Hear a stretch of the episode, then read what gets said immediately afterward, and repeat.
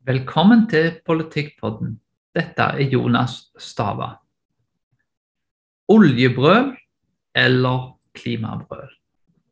Det er to ulike brøl, men ett svar på hva da som er det rette brølet. Eller kanskje ikke. Oljebrølet og klimabrølet handler ikke bare om brøling, men om to ulike virkelighetsforståelser som står i motsetning til hverandre. Vi kan gå inn på fakta om klima og fakta om olje. Dette er viktig, og vi kommer så vidt til å gå inn på det. Men i denne episoden så vil jeg kanskje heller prøve å fokusere på de underliggende virkelighetspremissene, eller den virkelighetsanskuelsen eller forståelsen som ligger bak disse brølene, og hvorfor dette er viktig for oss i dag. Først vil jeg bare begynne å lese en bibeltekst fra første Mosebok 26 til 28. Og Der står det Gud sa, la oss lage mennesker i vårt bilde, så de ligner oss. De skal råde over fiskene i havet og fuglene under himmelen, over feet og over alle ville dyr og alt krypet som det kryr av på jorden. Og Gud skapte mennesket i sitt bilde. I Guds bilde skapte han det. Som mann og kvinne skapte han dem. Gud velsignet dem og sa til dem, vær fruktbare og bli mange, fyll jorden og legg den under dere.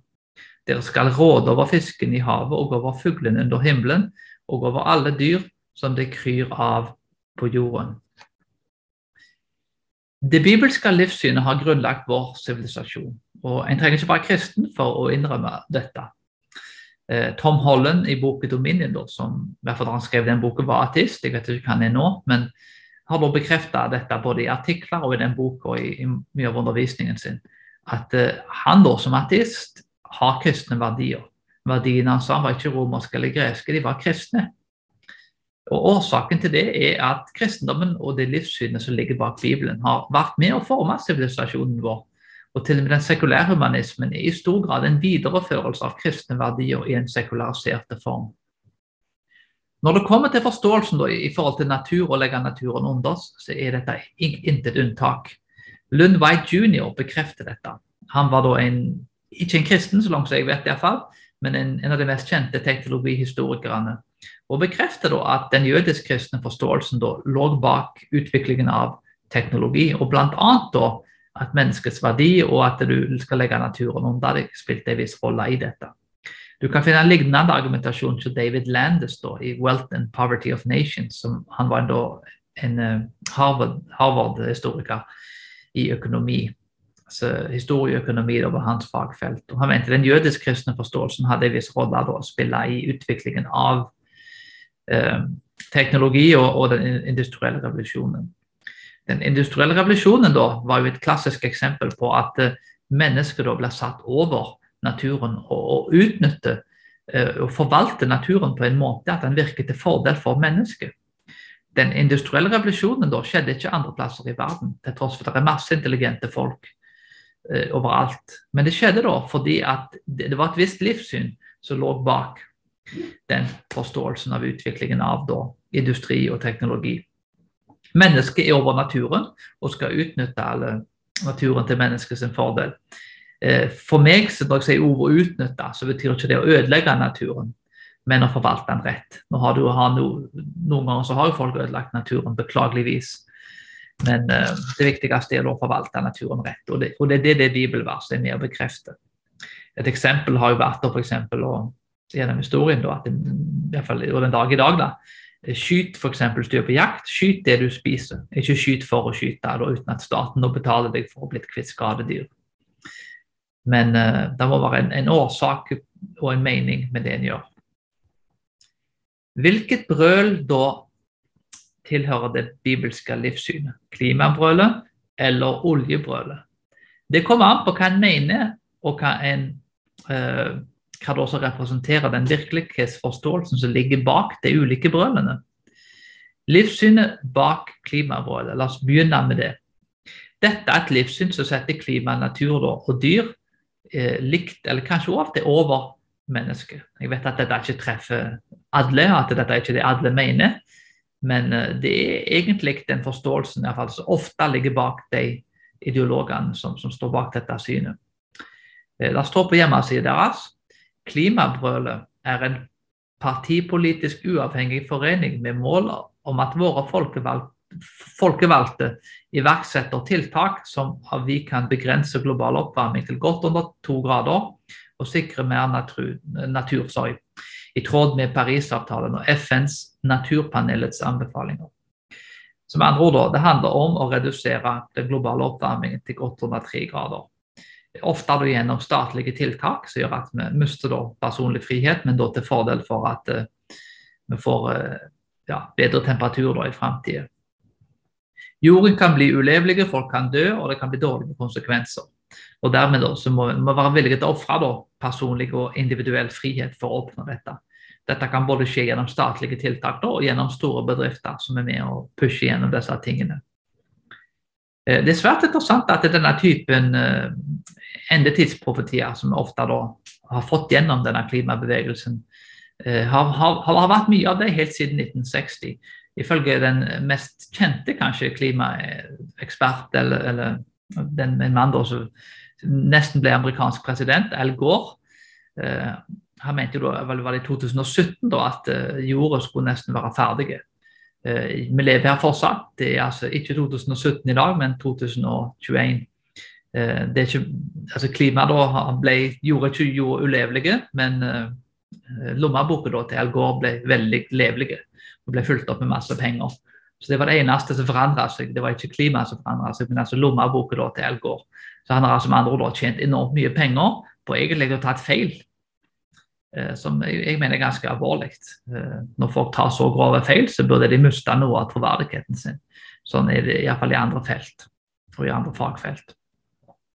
Eh, det er en annen person som heter Michael Schellenberg, da, som er en kjent miljøaktivist.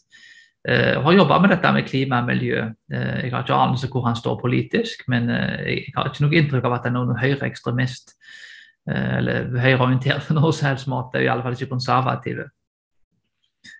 Eh, men han mener da at, eh, eh, at dette med klima da, i de mest utvikla nasjonene ikke er noe problem i det hele tatt. Og at folk da, i forhold til det med ekstremt vær i fattige nasjoner, så har det faktisk minska enormt mye. Hele 80 over en, en, en lang tidsperiode.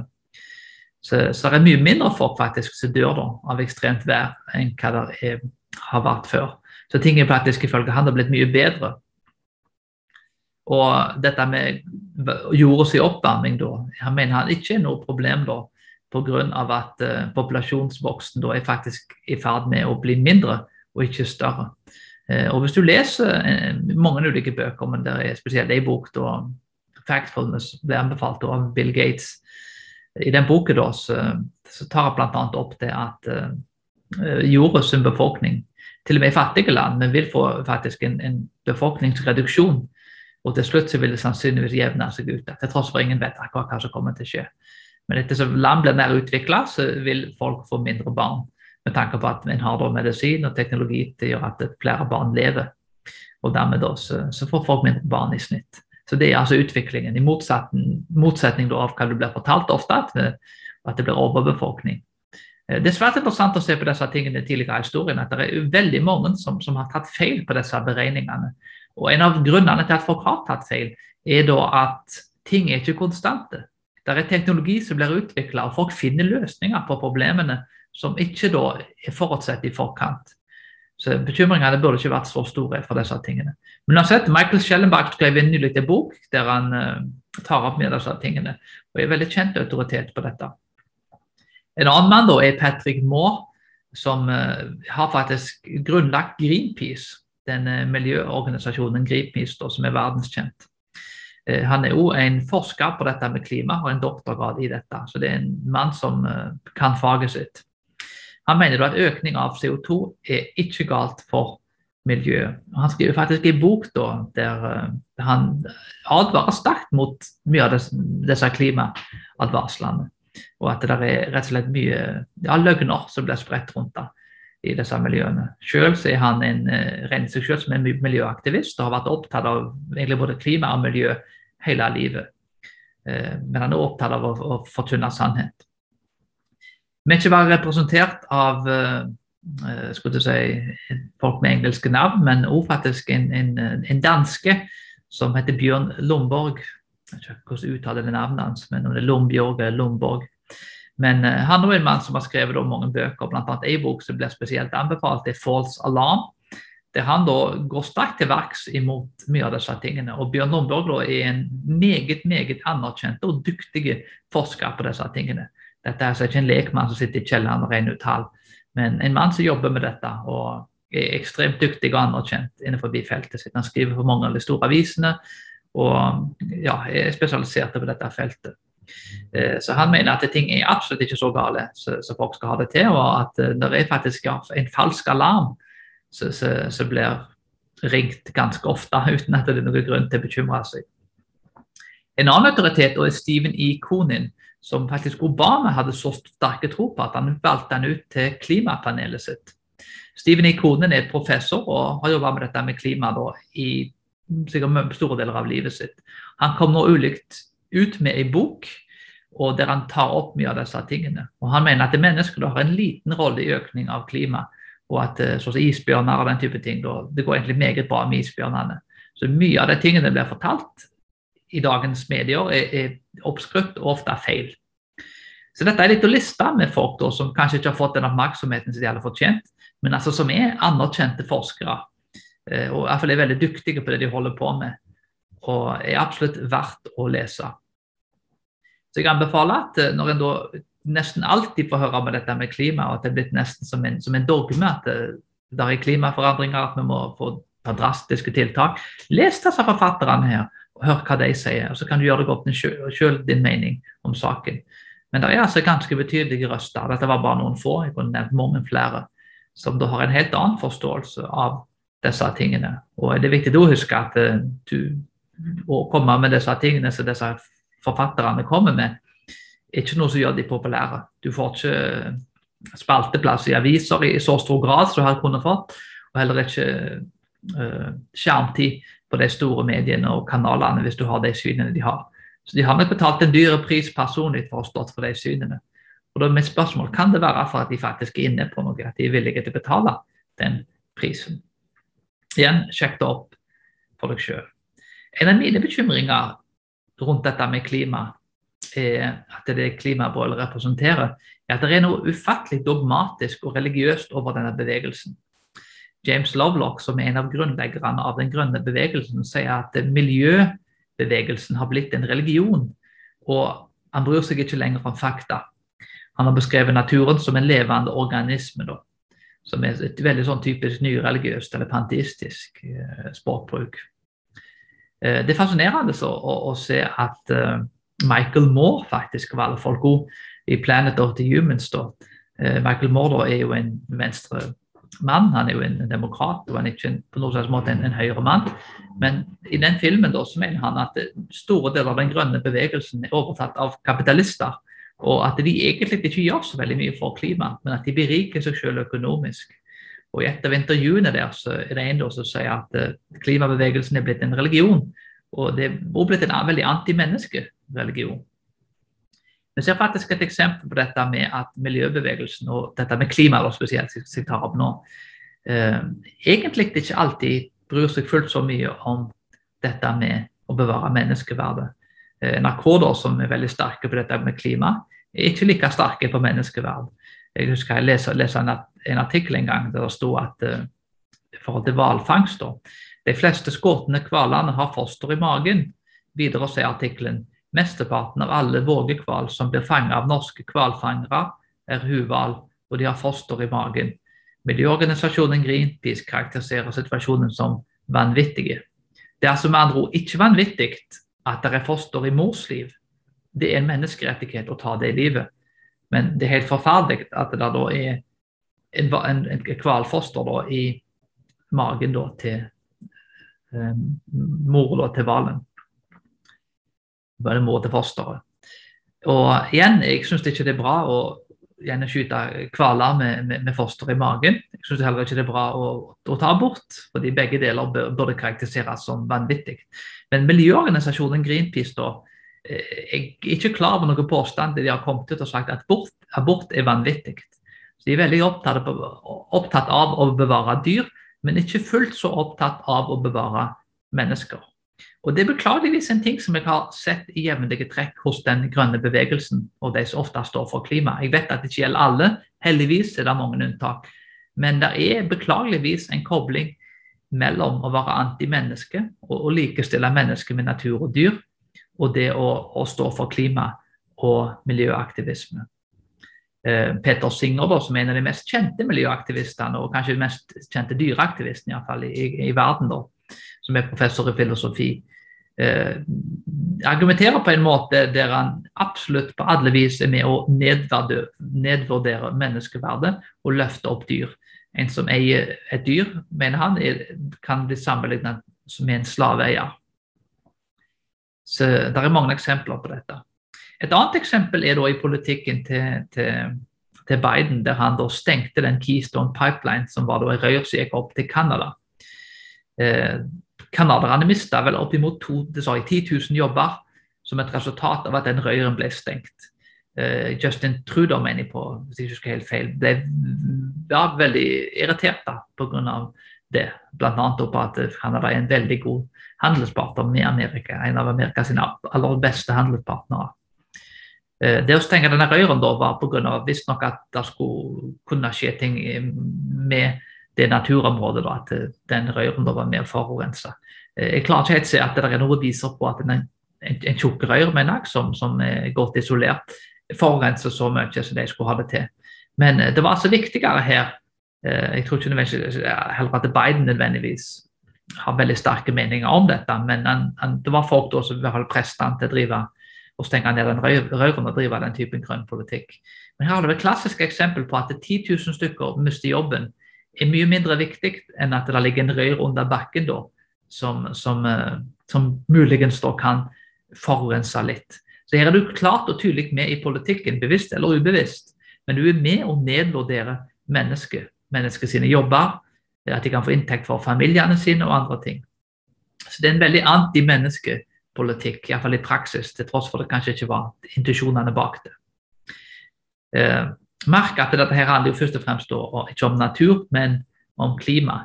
Men jeg mener likevel at det er en kobling mellom disse tingene. At uh, når en først begynner å verdsette og vektlegge dette med klima, så ender en veldig ofte opp med å nedvurdere menneskeverdet. Men ettersom jeg har sagt flere negative ting om, om dette med, med, med klimamålet, så vil jeg også si at det er noen positive ting. De folkene som står bak den virkelighetsforståelsen, Eh, de har ofte hatt større fokus på bevarelse av naturen og dyr, og jeg tror faktisk til og med på Partiet De Grønne da, si, si hjemmeside. Så er det en del politikk der som òg vektlegger dette med dyr og natur og ivaretakelsen av det. Dette syns jeg er bra, bare så det er sagt. Jeg mener at kristne skal ikke ødelegge naturen og ikke forurense. Og vi skal være opptatt av å ha en renere natur. Dette er gode ting. Eh, hvordan dette bør gjøres i praksis, er jo en, en diskusjon som eh, vil være mye lenger enn hva jeg får tid til i dag. Eh, men eh, igjen, vi må være opptatt av miljøvern. Og Jeg skulle kanskje ønske at det, det ikke var klima som var fokuset, men at det faktisk var miljøvern. Miljø er noe som er målbart, noe som vi faktisk kan måle, noe som vi kan vurdere. Men isbjørner og klima mener jeg er svært vanskelig å forholde seg til, med tanke på at isbjørnene er langt, langt, langt vekke. Og ifølge han konen da, så, så har isbjørnene det egentlig ekstremt bra. Det er ikke et problem ifølge han som har forska på dette. Det vet jeg det er andre forfattere som har sagt òg. Eh, men dette med klima er noe veldig abstrakt og fjernt. Og det er veldig vanskelig å utrette en veldig detaljert og, og eh, repeterende vitenskap rundt dette med klima, på samme måte som du kan måle om en medisin fungerer eller om den ikke fungerer. Så det er svært lett å lure folk da når det kommer til klima. Og Ifølge flere av disse forfatterne her, så er det veldig mye humbug og lureri da, i denne bevegelsen. Og til og med Michael Moore, som er en venstremann, en av de mest kjente venstrefolkene i Amerika. Eh, dokumentaren hans kjenner vi godt til her i Norge òg.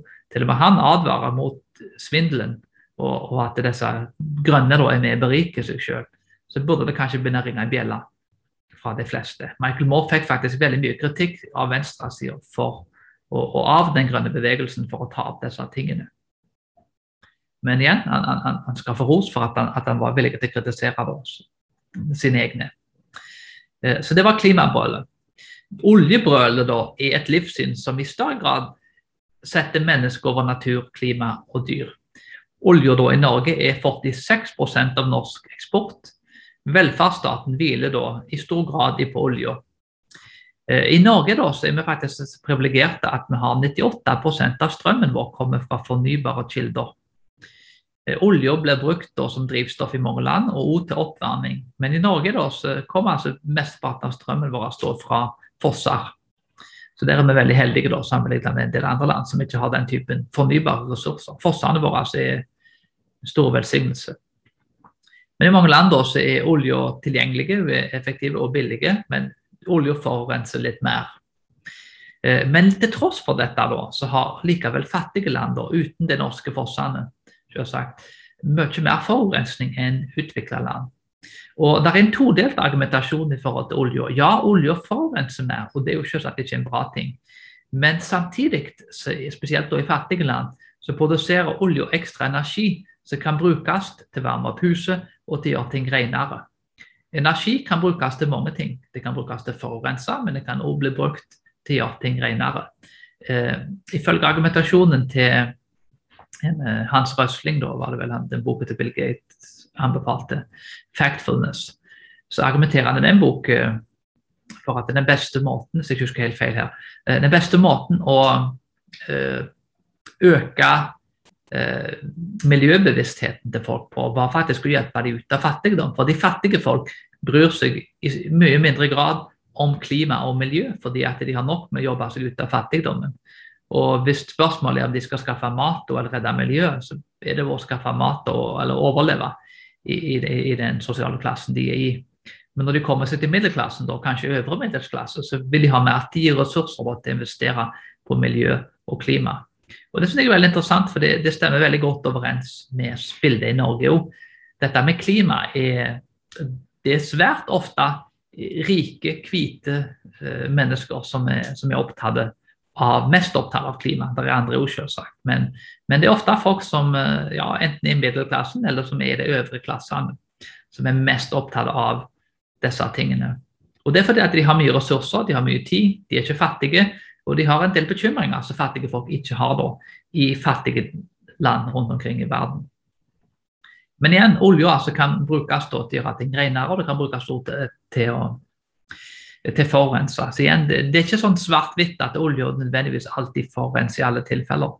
Men når en får billig energi som er tilgjengelig for folk, så kan faktisk det utnyttes på en måte der folk blir hjulpet ut av fattigdom, men dermed så kan de være med og jobbe for miljøet.